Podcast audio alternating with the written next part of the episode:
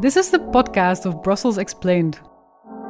Knowing how things work is key to changing the world. And so we invite experts to explain a complex topic in under 10 minutes. In Brussels Explained, we focus on all things Brussels. In this edition, you'll hear Hildegard Frimpong explain everything you need to know about Belgian health insurance funds.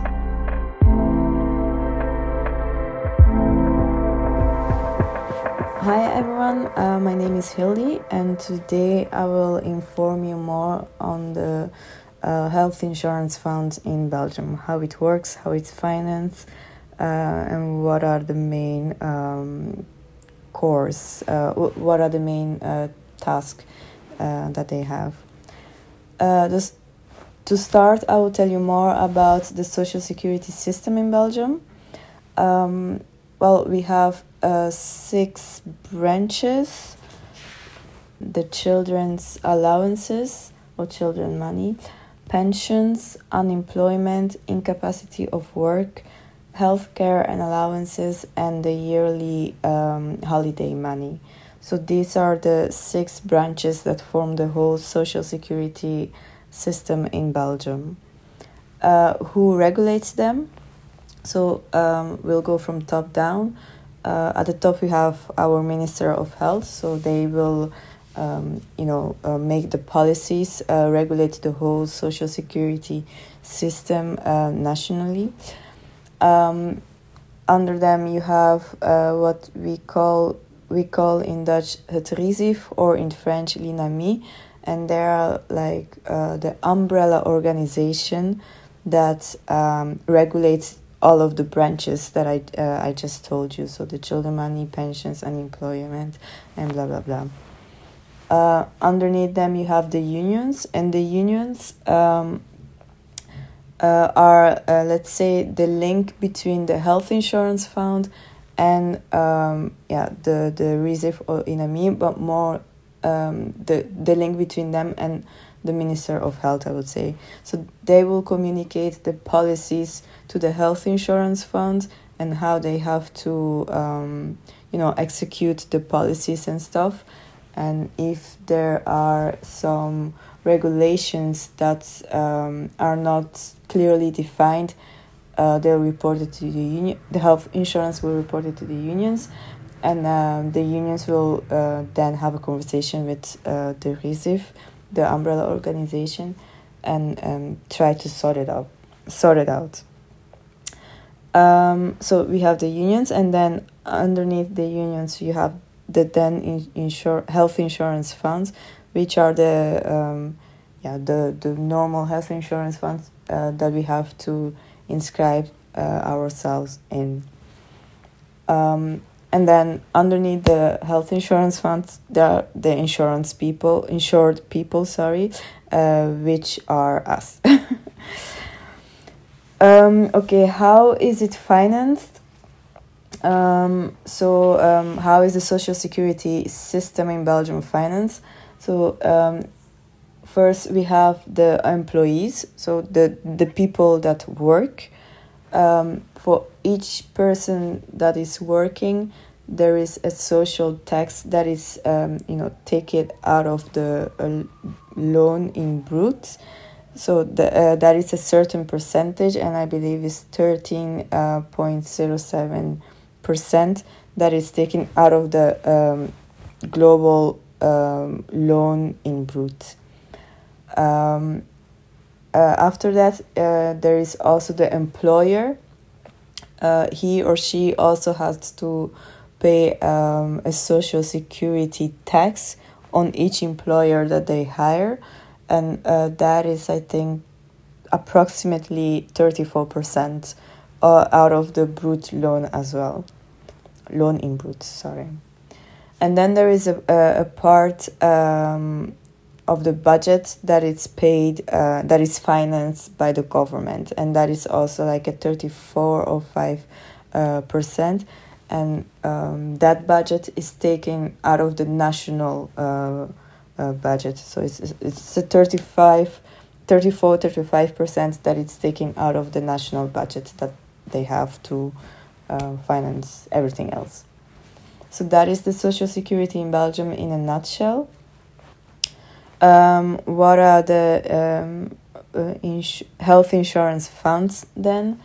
Um, there are more uh, like um, and I would say uh, like a non-profit organization or enterprise. Enterprise is maybe not really the the right word, but um, let's say yeah, an institution, non-profit institution, and their main goal is to improve the social well-being um, of the insured people or the society in general.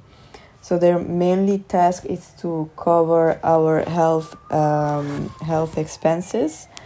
Uh, what do I mean by health expenses? Um, everything concerning health. So hospital bills, doctors' consultation, consultations. Um, they also pay uh, the allowances. For instance, if um, you're sick for a long term, um, I would say, let's say, um, for two months, for instance, um, it could be that your work will say, okay, um, you're sick for two months, uh, we can only pay you a full loan for a month, but afterwards, um, yeah, we cannot pay you anymore. So then that is when um, the health insurance fund will pay you an allowance um, because you're you're sick for a long term.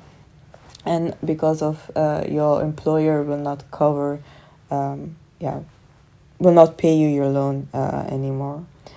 Uh, what do they also offer? Um, uh, benefits. So um, i will go more into details um, just um, uh, here um, but those are like the main um, course the main um, um, purpose of, of the health insurance funds. So to cover the health expenses hospital bills doctor's bills uh, allowances for sickness or incapacity of work um, and they also offer benefits. So how um, are um, the health insurance funds regulated? Um, the it is important to uh, make a distinction between mandatory insurance and complementary insurance. So the mandatory or obligatory insurance is the insurance that is um, um, compulsory and that is defined by law and that everyone, each one of us, uh, of uh, yeah, each citizen is bound to have. So the moment that you inscribe yourself into um, a health insurance fund, um, you're covered by law, and you have you are you you are covered by the mandatory insurance. So the health insurance fund cannot say, "Oh, um, you're sick," for instance. Uh, we will not pay you the sickness allowance. They cannot say that. As long as you're inscribed and that you pay your dues, your fees, um, you're you're covered and they cannot um, you know take that away from you. And what is also important is the mandatory insurance is financed by um, the big pot that I was just telling um, um, that it's um, financed that finance the social security system in Belgium. So everything that um, is everything that covers our health uh, expenses and that it's uh, defined by law comes out of that pot. Um, and then um, I said, I told you about the complementary insurance that comes from another pot, and that is uh, that comes from the pot, um, yeah, from a different pot, like I said, uh, but that is what when what we um, as insured people pay the fee that we pay to our health insurance funds. So, um, for instance, I pay 100 euro to my um, health insurance fund. So they will use that 100 euro to finance the complementary insurance. And what is the complementary insurance? Um, to give an example, let's say that um, uh, I, we are I'm sick um, and I have to stay in the hospital for five days, for instance.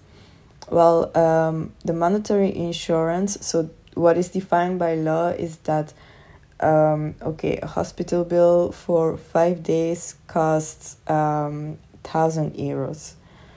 Um, so um, yeah, so that is defined. It's thousand euros, and the law will say, "Oh, we pay um, uh, the mandatory insurance pays you back five hundred euros out of the thousand euros that um, the the hospital uh, of the cost of the hospital bills." Okay, so that that that five hundred euros comes from the um, mandatory insurance pot, and that is the pot that the um, that is founded by the social security system uh, of Belgium. So that the percentages that are taken from um, the the the loan of the employee's employer and the budget from um, the government are finance are the ones that will give us the 500 um, euro, for instance. And then we have the complementary insurance, and the maybe the complementary insurance will say, oh, we pay um, 250 uh, euro uh, back on top of the 500 so that comes from the pot of the complementary insurance and that pot is the one that we as insured people pay either yearly or every trimester or every six months uh, is the fee that we pay to our health insurance uh, fund. So if you pay your dues, then you will get on top of the 500 euros um, that the mandatory insurance pays you, you will get the 250 that the uh, complementary insurance or the additional insurance um, will pay. So in the end, uh, you you will get uh, 750 back out of the thousand euro cost that you had and then you um, the only cost that you have to pay for your stay is for instance in my example 250 so that is how um, yeah the, the big difference between the mandatory and the complementary insurance um, what is also important to know is that um, the moment that you are inscribed in a health insurance fund, you have to pay your dues. So that is compulsory. Um, so then you have um, then you're covered by so the mandatory insurance, of course, but also for the uh, complementary insurance. Um, what uh, is covered? Um, what healthcare is covered. Um, everything that um, I would say everything that is uh, covered um, by the health insurance fund, the one that is mandatory, um, covered by the mandatory insurance, is defined by law. Uh, so there are uh, in, in in Dutch it's um, it's all defined by uh, a certain um, koninklijk besluit. That's how we call it in Dutch. In French, it's arrêt royal. Um, in English, I, I think it will be like royal decree or royal decision. And in that law, everything is written. For instance, um, that the hospital cost uh, hospitalization for one day costs maybe 290 so i'm just saying number just to give an example um, so that is what the law or the policy will regulate the, the price of the hospitalization and um, um, what else what uh, what kind of uh, healthcare uh, it's it's covered and how um, yeah what do you get back? Is it partially it's not partially uh, and stuff like that. So that is uh, everything is regulated in there. Uh, and also one last thing um, um, I, I don't know if I said I said it already, but so I mentioned earlier about um, the different um, you know political health insurance funds. So we had the socialists, the um, um, socialist, the liberal, the Christian, and and so on. Those are founded uh, truly by a history. Um, so it's just the the evolution of um, through history of the parties. Uh, first there were the Christians, and then there were the socialists, and blah blah blah. And that's how um, you know the other um, came up with. Okay, so that was my presentation. Now it's up to you.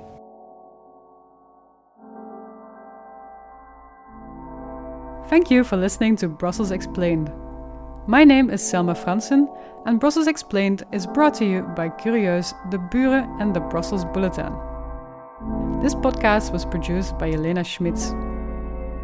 Brussels Explained is the English language, Brussels focused version of Moeilijke Dingen Makkelijk Uitgelegd.